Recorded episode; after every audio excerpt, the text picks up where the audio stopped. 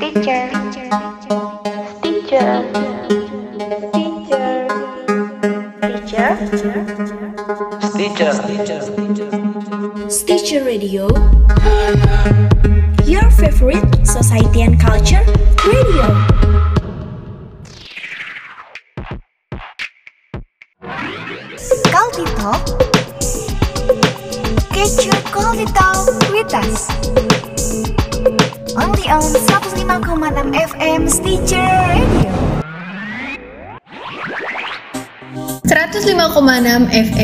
Radio siaran praktikum komunikasi sekolah vokasi IPB Halo halo selamat siang Sobat Kalti Kembali lagi nih bareng aku Farah Dan aku Ara di Quality Talk, Catch Your Quality Talk with Us, edisi Sabtu 13 Maret 2021. Gak kerasa udah hari Sabtu aja ya Sobat Kalti Weekend ini ada rencana apa nih? Mau ngede sama pacar atau quality time bareng keluarga? Hmm, me time pun sah-sah aja asal selalu ditemani oleh kita pastinya Betul banget Farah. Oh iya, jangan lupa weekendnya tetap jaga kesehatan ya. Dan tentunya perhatikan protokol kesehatan juga dan jangan sampai lengah. Buat yang lagi kurang sehat nih, semoga lekas membaik ya. Amin. Berhubung udah hari Sabtu, alias aku dan Ara bakal menemani kalian di 45 menit ke depan dengan perbincangan seru mengenai sosial dan budaya, tidak lain tidak bukan tentunya di Kalti Talk. Nah, seperti biasa, kali ini kita bakal ada dua sesi nih, Ra. Penasaran deh, hari ini narasumbernya siapa ya? Hmm, rasain dulu aja gimana? Karena sehabis ini kita ada informasi seru tentunya dengan topik yang menarik. So, stay tune di 105,6 FM Stitcher Radio, siaran praktikum komunikasi Sekolah Vokasi IPB. Talk, get your Culty Talk with. Only on 105,6 FM Stitcher Radio. 105,6 FM Stitcher Radio, siaran praktikum komunikasi Sekolah Vokasi IPB. Nah, Sobat Kalti, kali ini kita bakalan bahas serba-serbi tentang pernikahan nih. Wah, pernikahan ya. Topik ini udah banyak banget di request sampai menuhin request box. Dan topik lain tuh jadinya tenggelam. Kira-kira kenapa nih pada pengen kita bahas ini? Kenapa ya, Ra? Hmm, mungkin karena lagi pandemi gini kali ya, Far. Jadi orang-orang tuh butuh pendamping gitu. Ya, hitung-hitung buat nemenin WFH sih pastinya. Bener banget, lagi pandemi gini nggak bisa ke mana-mana Udah paling benar ditemani sama yang terkasih Udahlah, dunia serasa milik berdua yang lain cuma ngontrak Iya kan, Ra? Bener banget tuh, Farah. eh, kayaknya nih, Ra, biar gak motong durasi Takutnya kita kelamaan ngomong Langsung aja yuk kita ke Bisikin Bincang Asik dan Informatif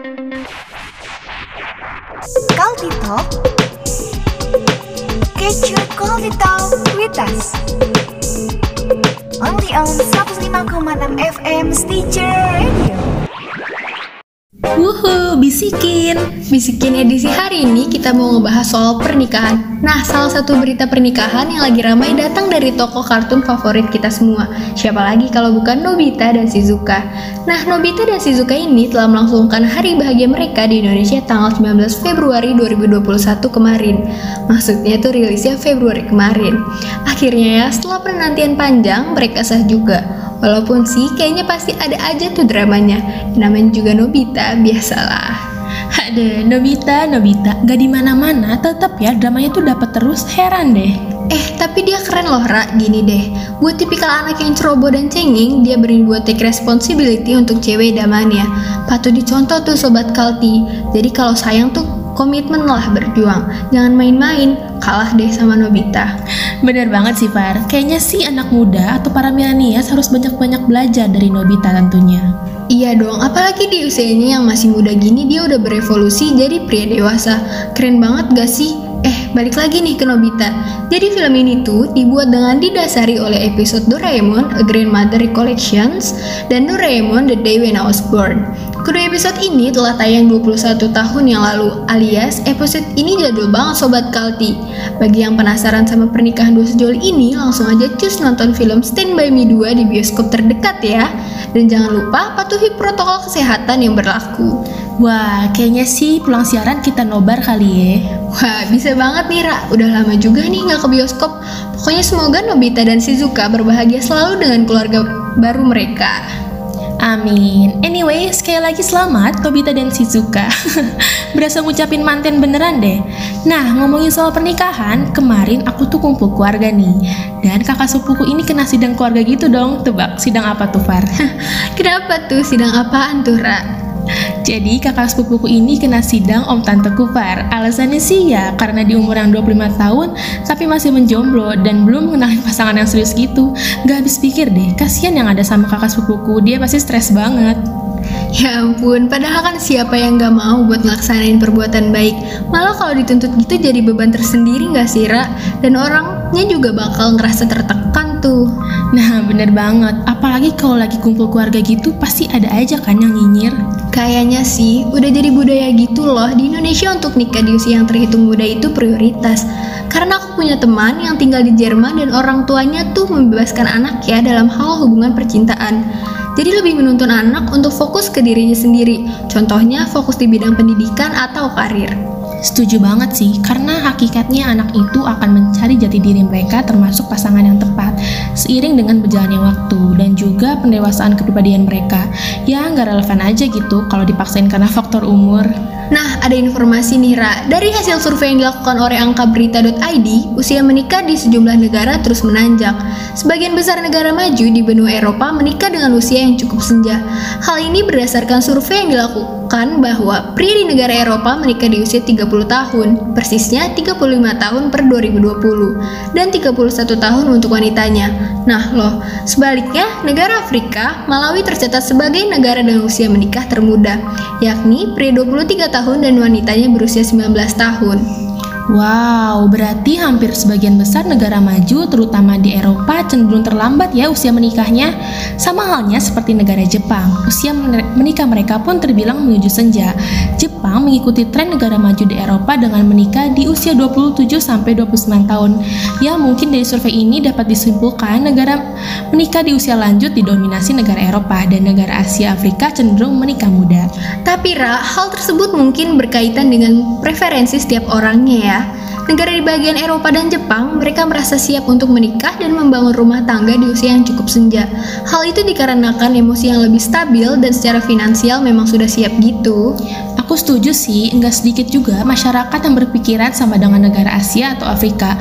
Mereka merasa siap menikah di usia yang cukup muda.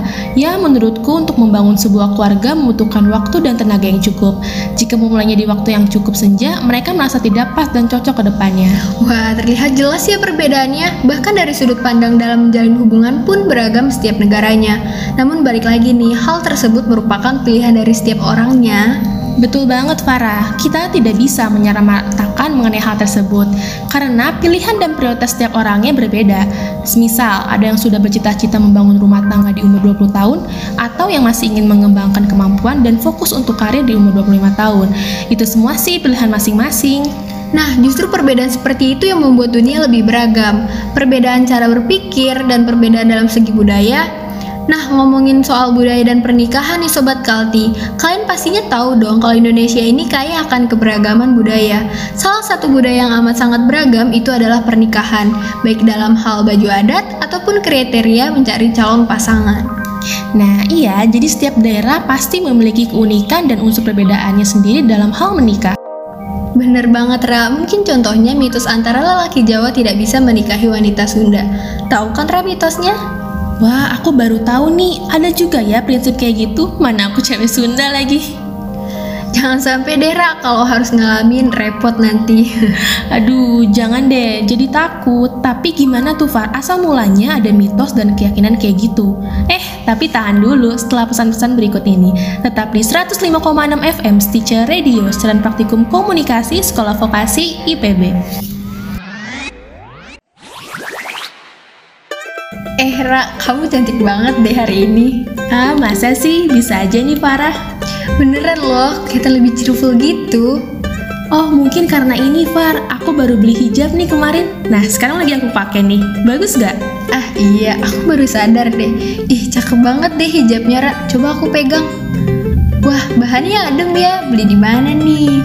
Nih, aku beli di online shop at pulkra.ki. Dia jual berbagai jenis hijab dengan banyak macam warna, dan warna-warnanya ini kekinian banget. Bahannya juga bahan premium, jadi dijamin adem, tapi nggak nerawang ya. Ih, pengen deh beli. Mahal ya? Tentunya enggak dong, harganya affordable banget. Pas di kantong kita-kita lah. Wah, harus cepet-cepet beli nih biar makin cantik kayak Ara. Aduh, harus dong. Nah, Sobat Kalti, yang mau beli hijab premium yang cantik-cantik, langsung aja dicek Instagramnya di @pulkra.ki. Mereka juga available di e-commerce, ada Shopee dan juga Tokopedia. Kebetulan lagi ada promo gratis ongkir dan cashback 10% sampai dengan Rp5.000. Lumayan banget kan? Jadi langsung aja cek Instagramnya dan e-commerce mereka. Selamat berbelanja Sobat Kalti. Kalti Talk. Your Kalti Talk with us. Only on 105,6 FM Stitcher Radio. 105,6 FM Sijer Radio siaran praktikum komunikasi sekolah vokasi IPB Masih bareng aku Farah Dan aku Ara tentunya di Quality Talk, Catch Your Quality Talk with Us. Nah lanjut obrolan tadi nih, Farah kan bilang ya kalau perempuan Sunda tidak dianjurkan untuk menikah dengan lelaki Jawa.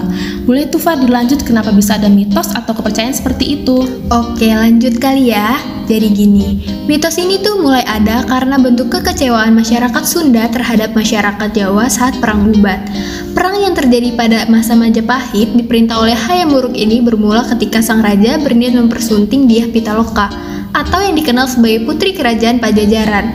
Hayam Wuruk jatuh cinta kepada sang putri setelah melihat lukisan seorang seniman bernama Sungging Prabangkara. Kemudian kerajaan Majapahit mengirim surat lamaran pada Maharaja Linggabuana. Rombongan kerajaan Pajajaran kemudian berangkat ke kerajaan Majapahit dan diterima di pesanggerahan Bubat. Tapi naas, Gajah Mada yang saat itu menjabat sebagai Mahapati mengkhianati dan menyerang rombongan kerajaan Pajajaran. Hal itu dilandasi untuk memenuhi sumpah palapa yang dia jalani.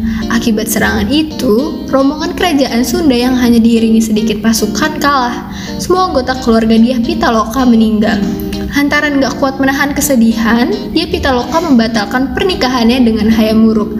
Jadi gitu, Ra. Oh, berarti mitos ini ada untuk menghargai pengorbanan dari leluhur masing-masing kali ya Far? Mungkin begitu, tapi kembali lagi nih, Ra. Hal ini hanya mitos di masyarakat yang baiknya tidak terlalu kita jadikan prinsip hidup kita. Setuju banget, karena kan seperti yang sudah kita bahas tadi, budaya itu beragam dan kita nggak bisa memaksakan pilihan setiap orangnya. Yap, eh kayaknya nih dari tadi kita udah lumayan banyak ngebahas informasi pernikahan ya Ra. Mulai dari budaya, kemudian ada film Nobita dan Shizuka Ada juga kita udah bahas soal perbedaan pilihan masyarakat beberapa mancanegara mengenai usia menikah. Kebetulan banget nih, hari ini kita mendatangkan narasumber untuk bertukar pikiran bersama. Karena sebentar lagi kita akan masuk ke sesi dekam Dengar kata millennials Eits, sebelum lanjut, kita dengerin informasi dulu yuk dari Badan Kesehatan Provinsi Jawa Barat.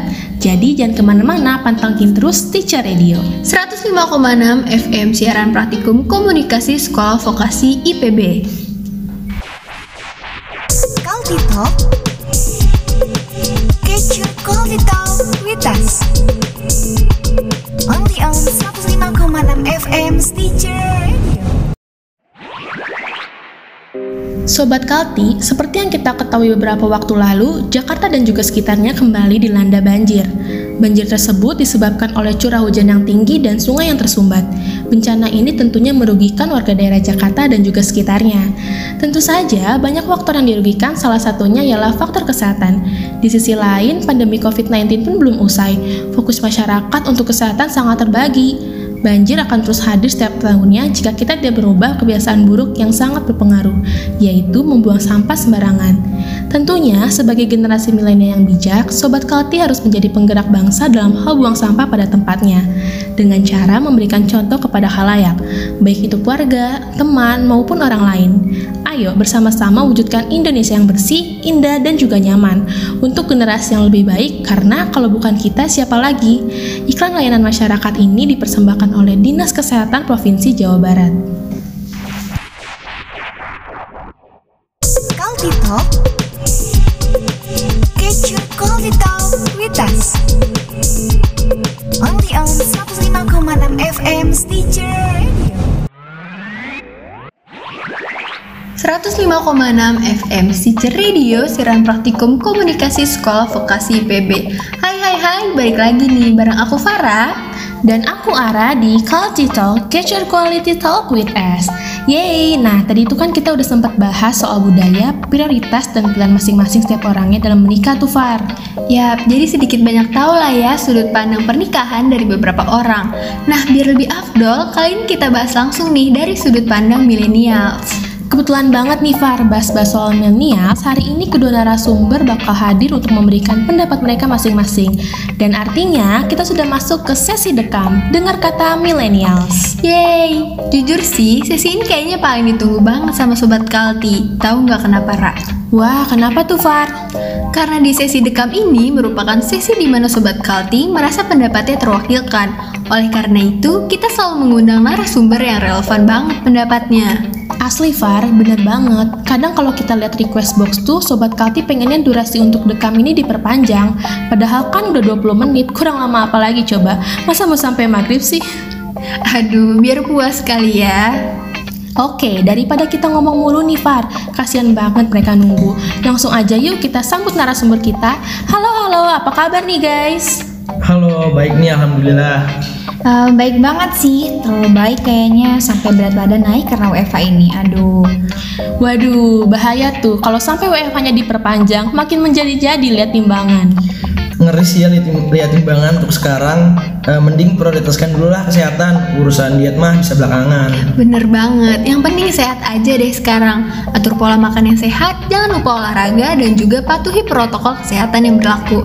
Eh, udah kasihkan ngobrol aja nih. Tapi Sobat Kalti, sebelum kenalan sama narasumber kita hari ini, jadi hari ini kita udah kedatangan Irma dan Bagus sebagai narasumber. Seperti dekam biasanya, nanti masing-masing narasumber akan menyampaikan sudut pandang mereka mengenai topik yang kita bicarakan. Nah, hari ini topik kita mengenai pernikahan. Jadi baiknya nikah muda atau nikah terlambat nih. Eits, tahan dulu dong. Sebelum kita tanya lebih lanjut ke narasumber kita kali ini, aku mau sampein beberapa persepsi dari Sobat Kalti di Instagram. Oh iya, bener juga hampir lupa. Cus, kita bacain pendapat pertama, ada dari Anonim. Katanya kalau aku nih ya, dilihat dari nikah muda menghindarkan zina. Tapi punten, belum serk aja gitu. Terus lagi, banyak public figure yang menikah muda tapi maaf, mereka bercerai. Untuk kesehatan juga agak rawan hamil muda ini. Tapi balik lagi, kalau untuk pasangannya sudah siap secara mental dan finansial, gaskan aja, gitu cenara. Wah, menarik ya. Ada juga nih pendapat dari GLDS yang setuju dengan nikah muda. Ya, menurut dia hidup bakal terus baik karena sudah dari muda memanage waktu, pikiran, hidup, akhirat, dan juga cinta. Keren. Sobat Kalti emang paling mantep deh soal beginian. Eh, ini ada juga nih yang menarik dari punya Dini. Katanya kalau ada kesempatan itu jangan pernah menunda hal-hal baik. Betul juga sih, tapi pendapat ini terpatahkan oleh a.q.syp. Katanya isn't it easy? Udah kayak interaksi aja nih. Wow, kalau dengar pendapat yang ini nih, mungkin bakal mendengai kedua pendapat tadi. Menurut Iqbal, nikah muda itu banyak menuai kontradiksi karena bersinggungan soal kesiapan dan juga umur. Namun, hal itu bukan suatu masalah karena kesiapan itu berdasarkan pola pikir idealisme. Balik lagi kepada jati diri. Jika seseorang sudah merasa siapa, tidak ada salahnya. Karena pada hakikatnya, jika semua itu dipersiapkan dengan baik, tentu tidak ada yang dirugikan. Justru akan mendapat banyak pahala dalam agama saya. Nah, itu yang tadi Iqbal maksud. Setuju sih kalau aku. Bener banget, pendapat Iqbal ini bisa dijadikan penengah nih buat pro kontra dari pendapat milenial yang kita bacain tadi. Nah, karena udah ada narasumber kita, kita tanya dulu aja kali ya arti pernikahan dari kedua narasumber kita. Dari Irma dulu deh, silakan. Oke, pernikahan. Pernikahan ini adalah sebuah anugerah dari Yang Maha Kuasa atau dalam agama aku sih biasa disebut rezeki ya. Jadi anugerah sekaligus rezeki yang ditakdirkan bersama dengan dilandasi rasa cinta juga berjalan dengan komitmen. Widih, keren-keren. Kalau dari Bagus sendiri pernikahan itu apa sih? Hmm, kalau menurut aku sih pernikahan itu seperti pesawat. Butuh pilot dan kopilot yang beriringan untuk menerbangkan pesawat tersebut, seperti halnya suami dan istri yang saling melengkapi dalam rumah tangga. Aduh, keren juga nih filosofinya, sampai speechless gitu kita dengarnya. Tapi dari kalian sendiri, prefer yang mana sih? Nikah muda atau nikah terlambat? Kalau aku sih prefer nikah muda. Hmm, kalau aku sih nikah di usia terlambat pun nggak ada masalah. Wah, kebetulan banget dong kita punya dua sudut pandang yang berbeda dari narasumber kita hari ini.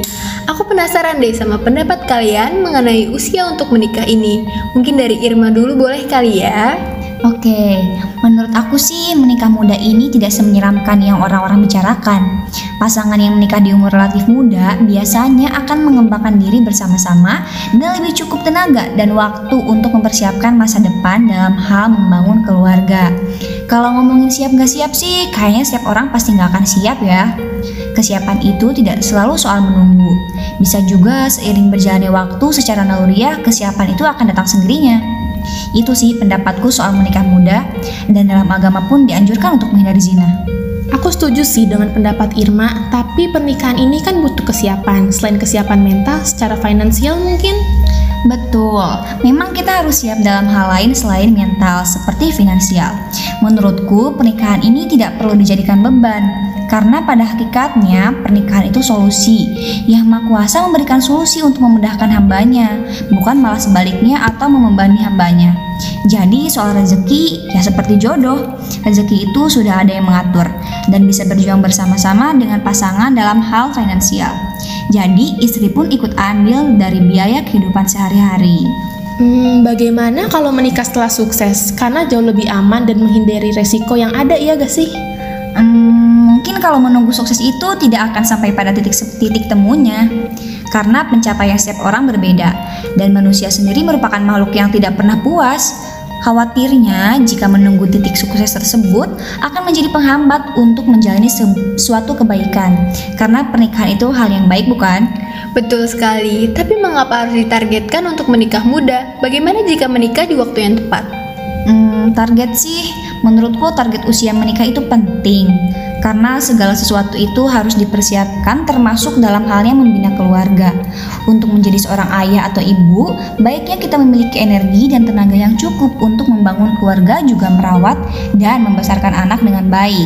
Selain itu pun dengan menikah muda, kita dan pasangan dapat lebih memahami dan tahu apa arti dari tanggung jawab itu. Jadi bisalah sama-sama belajar dan berusaha menjadi lebih baik. Hmm, baiklah. Mungkin untuk sobat Kalti yang masih bingung dalam membuat keputusan untuk menikah muda, hal yang tadi disampaikan oleh Irma bisa dijadikan pertimbangan ya. Nah, biar adil, coba kita dengerin pendapat dari Bagus. Eits, tapi sebelum itu kita simak dulu yuk pesan-pesan berikut ini. Tetap dengerin Stitcher Radio di 105,6 FM siaran praktikum komunikasi Sekolah Vokasi IPB. Kalti Talk Get your Kalti Talk with us FM Stitcher Radio Ah bang, beli gorengannya dong 5000 aja ya Pakai rawit bang, jangan lupa Nih, rawitnya di dalam ya. Makasih ya bang Ah pedes banget Kena bibir deh Mana lagi sariawan Hah? Sariawan? Bibir pecah-pecah? Panas dalam? Tenang aja. Ini dia larutan cap orang ketika. Bantu meredakan gejala sariawan, bibir pecah-pecah, dan panas dalam.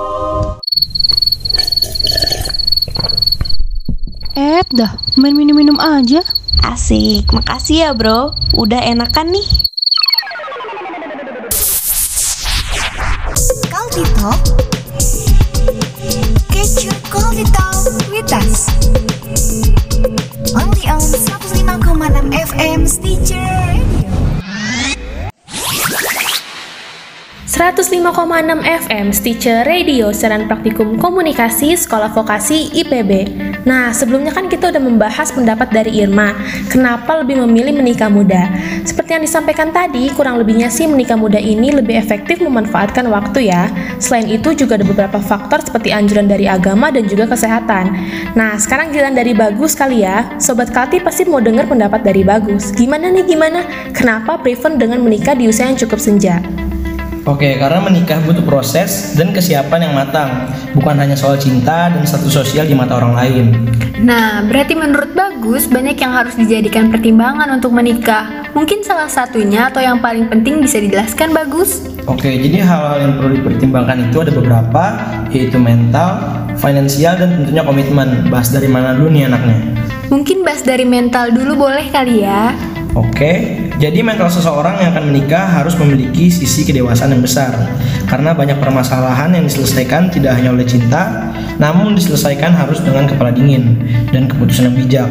Jangan mengambil keputusan saat emosi dan saat jatuh cinta. Karena di situasi seperti itu, pikiran seseorang kadang akan menjadi tidak rasional. Oke, untuk segi finansial gimana tuh? Menurutku, kedua pasangan yang menikah diharapkan memiliki finansial yang stabil, karena pernikahan itu ibaratkan dua insan yang dipersatukan dalam suatu ikatan.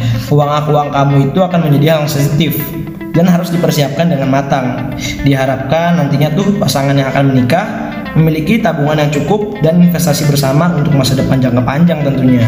Setuju banget, karena banyak sekali pasangan yang berpisah hanya karena masalah finansial ini. Jadi sebaiknya masalah finansial ini harus lebih diperhatikan oleh pasangan yang akan melanjutkan ke jenjang yang lebih serius. Kemudian ada dari segi komitmen. Selain alasannya sudah memiliki pasangan, apalagi nih yang harus dipertimbangkan dari segi komitmen? Oke, pasangan memang harus memiliki komitmen yang kuat. Betul kata Farah tadi, pernikahan bukan hanya didasari oleh cinta. Pada hakikatnya, komitmen itu tanggung jawab antara kedua pasangan, dan pernikahan yang baik adalah ketika pasangan bisa saling memegang teguh arti dari sebuah komitmen. Komitmen ini didasari dengan adanya janji akan bersama dalam keadaan apa pun, ataupun tidak berkhianat antara satu sama lain. Betul sekali, karena menikah itu hanya mengubah status, bukan orangnya ataupun pribadinya. Sesekali masalah itu pasti akan datang. Jangankan pasangan, teman ataupun keluarga pun pasti pernah bertengkar. Kita harus siap dengan semua kepribadian dan watak yang sejatinya memang ada dalam diri pasangan. Menikahlah dengan orang yang tidak ingin kamu rubah, karena sebelum kamu menikahinya, kamu pun harus berdamai dengan kekurangannya. Dan, dan hal itu akan sulit jika hanya mengandalkan waktu saja. Hmm, menurut aku sih, sisi kedewasaan itu tidak berpatokan pada usia ya. Karena banyak kok yang lebih muda dari usianya, namun jalan pikiran mereka tuh sudah dewasa gitu. Ya, betul sekali. Menikah pun merupakan suatu yang challenging karena kita harus tinggal bersama orang yang sama sampai akhir hayat kita. Karena pada hakikatnya semua orang di dunia ini menginginkan pernikahan sehari seumur hidup. Nah, seperti filosofi yang aku sampaikan tadi, menikah itu seperti menerbangkan pesawat. Ada pilot dan kopilot. Bukan hanya persoalan mengurus rumah saja, mengurus istri dan masak tiap harinya, namun menjadi pribadi yang saling melengkapi karena pernikahan itu ada dua sisi. Dari kedua pendapat yang berbeda, adakah gambaran impian dari kehidupan berumah tangga menurut persepsi dan pandangan kalian masing-masing? Mungkin dari Irma dulu. Oke, tentunya kita harus memiliki tenaga dan waktu untuk memahami pasangan setelah menikah demi menjaga keharmonisan. Keluarga kecil yang bahagia, serta jarak antara orang tua dan anak yang tidak terpaut jauh, sehingga orang tua dapat lebih memahami kepribadian dan hal-hal yang anak inginkan. Oke, itu dari Irma, dream family-nya tuh seperti itu kira-kira. Kalau dari Bagus, seperti apa sih? Setelah menikah, tentunya akan didambakan sebuah keluarga kecil yang harmonis dan tentunya dilengkapi dengan anak-anak di rumah. Hal ini juga menjadi suatu pertimbangan dalam membangun rumah tangga. Karena saat kita sudah menjadi orang tua, kita akan mempresenting best part dari kedua sisi baik ayah ataupun ibu. Contohnya itu pribadi yang bijaksana dan tegas layaknya seorang ayah, kemudian pribadi yang lembut dan menyenangkan dari seorang ibu. Keseimbangan dari keduanya dan komunikasi amat sangat penting di sini. Untuk menerbangkan sebuah pesawat yang akan terus terbang dan tidak jatuh, menabrak gunung itu membutuhkan kemampuan, kekuatan, dan kekompakan antara pilot dan kopilotnya, seperti halnya ibu dan ayah tadi. Selalu ya, selalu dengan filosofi pesawatnya. Kayaknya ada ketertarikan nih sama pesawat. Kenapa tuh kira-kira? Jangan-jangan calonnya pramugari ini. Aduh, enggak dong. Lagi pas aja kaitannya sama pesawat nih. Jangan sebar gosip dong. Arah nih gosip mulu ya. Nah, karena bincang-bincang kita lagi seru banget ya, kayaknya tuh Sobat Kalti makin tenggelam sama topik hari ini. Gimana nih, udah ada pertimbangan belum? Kalian tim mana? Tim nikah muda atau tim nikah terlambat? Ayo dipertimbangkan dulu ya dengan keluarga dan tentunya pasangan. Jadi dengerin terus ya Stitcher Radio setelah pesan-pesan berikut ini di 105,6 FM siaran praktikum komunikasi Sekolah Vokasi IPB. Kalti Circle with us. Only on 105,6 FM Stitcher Radio.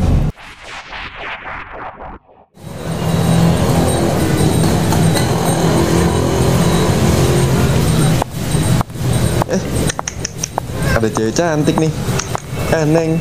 Aduh Bodinya menimontok gitu, Neng. Euy. Bening bener dah kakinya si Neng. Nengok ke belakang dong, ada yang ketinggalan nih. Apaan bang? Hati abang ketinggalan nih, Neng. Temenin abang yuk. Halo bang, jadi ketemunya. Ya ampun, mah. Dia cowok. Dia cowok, mah. Catcalling merupakan aksi melecehkan yang sering dilakukan terhadap orang asing di tempat umum. Jika itu dilakukan, mereka yang menjadi korban akan merasa tidak nyaman dan terganggu. Catcalling, hargai sesama. Iklan layanan masyarakat ini dipersembahkan oleh Komisi Perlindungan Anak dan Perempuan Indonesia.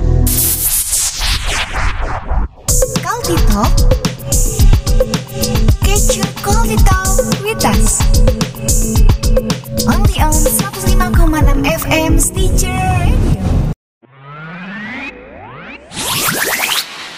105,6 FM Stitcher Radio Saran Praktikum Komunikasi Sekolah Vokasi IPB masih bareng aku Ara Dan aku Farah di Quality Talk, get your quality talk with us. Oke Sobat Kalti gimana nih masih pada dengerin Stitcher kan? Pastinya dong Ra, karena dari kedua pendapat yang berbeda tadi, Sobat Kalti pasti masih kebingungan nih, atau nyari pembenaran nih. Jadi apa pun keputusan Sobat Kalti baiknya mempertimbangkan secara matang ya. Karena keputusan ini bukan keputusan yang bisa diambil secara impulsif. Dan dampaknya akan berkepanjangan nih Sobat Kalti.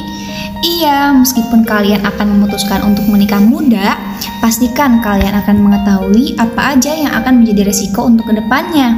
Karena pernikahan tidak selalu manis, tapi kadang-kadang pahit. Betul sekali, Irma. Terkadang rumput tetangga lebih indah daripada rumput sendiri. Peribahasa itu akan selalu ada jika kita masih terus membandingkan apa yang orang lain punya dan kita tidak. Tentunya hal itu bukan sesuatu yang baik, malah jatuhnya sih kayak toxic. So, stop comparing yourself with someone's life. Setuju, setuju dengan pendapat Ara. Hidup itu bukan suatu perlombaan. Kalian hanya perlu menikmatinya dan menemukan kebahagiaan versi kalian masing-masing. Bener banget, udahlah Narasumber kita hari ini emang paling ah mantap deh Sampai nggak kerasa udah 30 menit kita ada di sesi dekam Seperti biasanya sesi ini selalu seru banget Selera Sobat Kalti emang paling best sih Aduh, kalau nggak ada durasi, kayaknya kita udah bablas nih, Far. Saking nyamannya tukar pikiran sama narasumber kita kali ini. Cailah, nyaman gak tuh? Nyaman banget sih, tapi nanti nih acara nggak kelar-kelar nih bos, kasihan mereka Iya juga sih ya. Oke, terima kasih ya untuk Inma dan juga Bagus yang sudah menyempatkan hadir pada siaran siang hari ini. Semoga kalian sehat selalu dan sukses terus ya. Terima kasih Irma dan Bagus, nanti setelah ini kita selfie-selfie dulu ya Oke siap, pamit ya Sobat Kalti. Pamit dulu, have a good weekend Sobat Kalti. Asik, seru juga ya episode kita hari ini.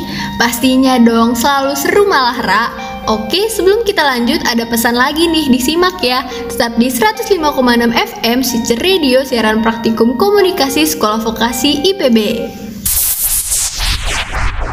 Culty Talk. Get your Culty Talk with us. Only on 105,6 FM Stitcher. Nah Sobat Kalti, siang-siang gini hawanya ngantuk banget gak sih? Apalagi kalau cuaca di luar lagi hujan Duh, enaknya mager-mageran Alhasil jadi menghambat deh buat kerjaan Eh, tapi tenang dulu Tadi siang aku lihat di bazar makanan ada sale loh untuk produk permen ajaib yang bisa jadi solusi untuk kita semua. Nih kenalin Kopi Cup, permen kopi dengan aftertaste yang khas dari lemon menjadikan kamu lebih fokus dan segar menjalani hari. Nomor ngantuk-ngantuk klub deh, langsung aja cus di borong Kopi Cup-nya di marketplace kesayangan Sobat Kalti. Culty Talk. Get your Culty Talk with us. Only on 105,6 FM Stitcher Radio. 105,6 FM Stitcher Radio Siaran Praktikum Komunikasi Sekolah Vokasi IPB Masih dengan aku Farah Dan aku Ara tentunya di Kalti Talk, get your quality talk with us. Jadi gimana nih Ra? Kamu tim yang mana nih? Tim nikah muda atau nikah terlambat? Ayo Waduh, aku sih sedapatnya jodoh aja kali ya. Kalau ada yang cocok dan pasti hati, ya why not? Asik, bentar lagi dong nyusul yang itu Cie Hah? Ngaco deh, nyusul yang mana coba? Itu loh pasangan fenomenal minggu-minggu ini. Oh alah, maksudnya Atta Halilintar sama Aurel Hermansyah. Iya, asli deh, nggak di Instagram, TikTok, Twitter, isinya tuh mereka berdua. Iri deh aku, Ra. Apaan sih Farah? Mereka sih secara lahir dan batin udah siap. Kalau aku di posisi mereka pun langsung tancap gas. OTW KUA. Bener banget, Ra. Mereka juga menikah di usia yang terhitung muda ya. Terharu sekaligus seneng deh sama kabar bahagia dari mereka berdua. Iya, aku lihat serangkaian acaranya ini, ikut terharu deh nontonnya. Oh iya, rangkaian pra pernikahannya disiarin di stasiun televisi ya. Iya, lumayan lah buat ibu-ibu mantengin TV. Aduh, kalau ngomong Ara nih suka bener deh gitu. Eh, ngomong-ngomong soal artis menikah di usia muda nih, setahu aku sih bukan cuma Atta dan Aurel aja ya, bener gak? Iya, bener banget. Ada beberapa artis yang menikah di usia yang terbilang muda juga. Contohnya, ada pasangan fenomenal nih. Siapa sih yang nggak tahu Dinda Hau dan juga Ray Bayang? Wah, asli, ini pasangan bener-bener paling ah mantap deh. Bener banget, Ra. Jadi, Dinda dan Ray menikah pada usia 23 tahun. Nah, tadi Aurel sendiri menikah di usia 22 tahun dan Atta menginjak usia 26 tahun. Ya, beda-beda tipis lah ya.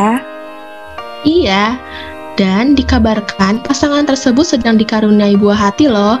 Semoga sehat selalu ya Dinda dan juga bayinya. Wah, sehat selalu ya kalian bertiga. Lah, kok bertiga? Iya dong, kan hamil itu bukan hanya tanggung jawab istri seorang, tapi suami juga. Ya, jadi bertiga lah. Oh iya, bener banget sih Far. Eh, by the way, selain mereka kedua pasangan tadi, ada juga nih pasangan fenomenal yang memutuskan untuk menikah muda. Hmm, oke, biar aku tebak. Dahlia Polan dan Fandi Christian kan? Lah, iya, gak asik deh tahu duluan. Ya ngambek tuh. Iya deh, pura-pura nggak tahu nih sekarang. Ah, telat. Jadi nih, mereka ini menikah di usia yang Dahlia Ponnya masih 18 tahun. Keren kan? Hah? Beneran?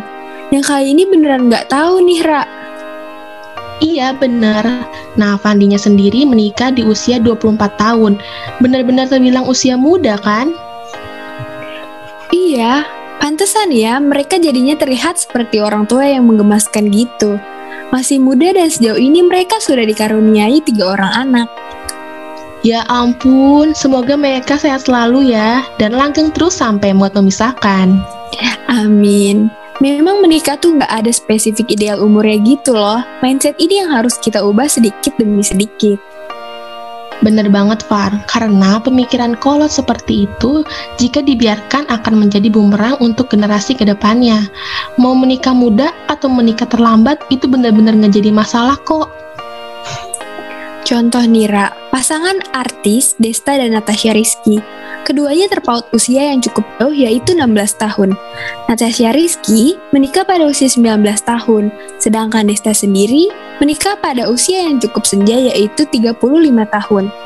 Nah, meskipun pernikahan keduanya menyebabkan kontroversi di mana-mana, namun mereka tetap membuktikan bahwa umur bukanlah penghalang untuk melakukan hal baik. Natasha sendiri merasa mendapatkan banyak pelajaran dan perubahan baik di hidupnya mengenai karir sekaligus kepribadiannya. Di sisi lain, Desta sendiri mengungkapkan alasannya menikah di usia tersebut karena mempersiapkan diri dan mencari pendamping hidup yang cocok dengan dirinya.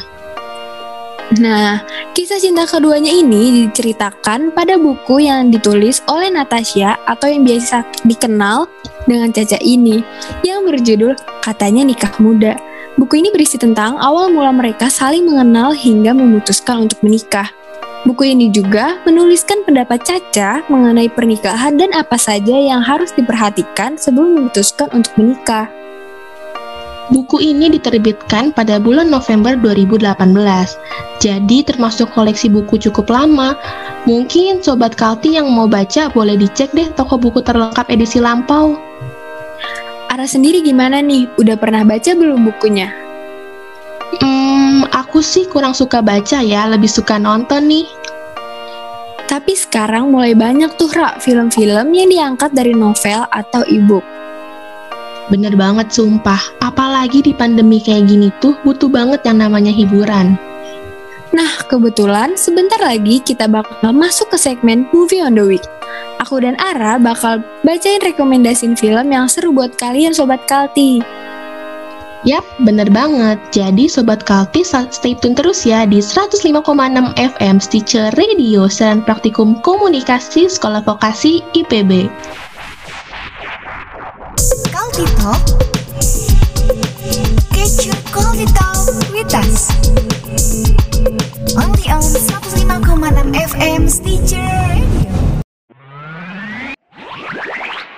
Radio 105,6 FM Stitcher Radio siaran praktikum komunikasi sekolah vokasi IPB. Nah, masih sama aku Farah dan Ara di segmen Movie on the Week. Nah, tadi kan sebelumnya kita sempat bahas tentang film yang diangkat dari sebuah novel. Kira-kira film apa sih Ra yang akan kita rekomendasiin ke Sobat Kalti nih? Film itu loh Far yang diangkat dari novel Ayu Dia Bing Slamet dan filmnya diperankan oleh Adipati sama Vanessa. Um, kayaknya aku tahu deh, Ra. Teman tapi menikah kan? Seru banget tuh filmnya, Ra. Ada yang keduanya juga kan? Iya, Far, emang seru banget dan betul banget. Teman tapi menikah yang kedua ada juga. Kira-kira sobat Kalti udah pada nonton belum ya? Kayaknya ada yang udah nonton, tapi ada juga nih Ra yang belum. Kita ceritain sedikit kali ya. Spoiler dikit. Kita spoiler teman tapi menikah yang ke satu dulu deh, Far.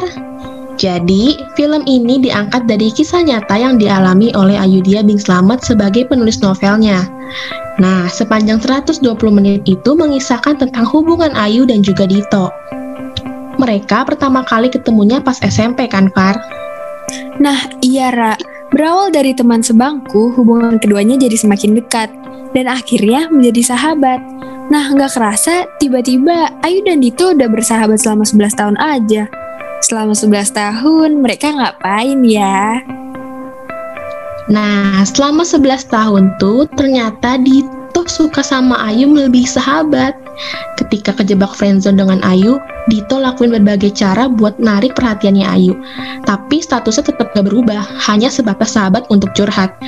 Duh, Ra, kayaknya kita kebablasan nih spoilernya. Pokoknya buat sobat Kalti yang penasaran sama film ini, langsung aja tonton ya teman tapi menikah. Iya nih para bablas kita. Jangan lupa ya sobat Kalti nontonnya jangan yang bajakan loh. Pastinya dong Ra. Oh iya, anyways, kalau teman tapi menikah yang kedua gimana tuh Ra? Bisa kali kasih spoiler dikit ke sobat Kalti nih. Waduh, kamu kayaknya penasaran banget deh ya. Oke deh, jadi teman tapi menikah yang kedua ini menceritakan kehidupan Ayu dan juga Dito setelah menikah Far. Akhirnya ya, mereka merit juga, jadi ikutan seneng deh. Wah, iya nih Ra, jadi kebawa vibes bahagianya. Ih, cukup dong kita kasih tahu satu bocorannya. Nah, daripada penasaran, mending langsung aja cus nonton filmnya. Iya juga. Ingat ya Sobat Kalti, nontonnya jangan yang bajakan. Iya nggak? Betul banget. Waduh, kalau udah ngomongin film, aku paling semangat deh. Jadi nggak kerasa udah cerita panjang lebar kayak gini. Kebiasaan kamu, Ra. Oke deh Sobat Kalti, pantengin terus ya di 105,6 FM Stitcher Radio siaran praktikum komunikasi Sekolah Vokasi IPB. Kalti Talk Get your Kalti Talk with us Only on 105,6 FM Stitcher Radio 105,6 FM Stitcher Radio siaran praktikum komunikasi Sekolah Vokasi IPB. Nah, Sobat Kalti, dengan berakhirnya sesi dekam tadi, berakhir juga nih bincang siang kita hari ini. Gak kerasa nih ternyata kita sudah menemani kalian selama 45 menit lamanya. Semoga perbincangan kita hari ini Sobat Kalti bisa diambil positifnya ya, dan buang jauh-jauh negatifnya. Tentunya jangan lupa juga untuk selalu jaga kesehatan dan patuhi protokol kesehatan yang berlaku ya. Eh, tapi jangan sedih dulu Sobat Kalti, karena kita akan kembali lagi. Kapan tuh, Ra?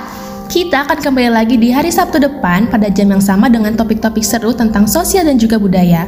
Only on 105,6 FM Stitcher Radio Seran Praktikum Komunikasi Sekolah Vokasi IPB. Bye-bye Sobat.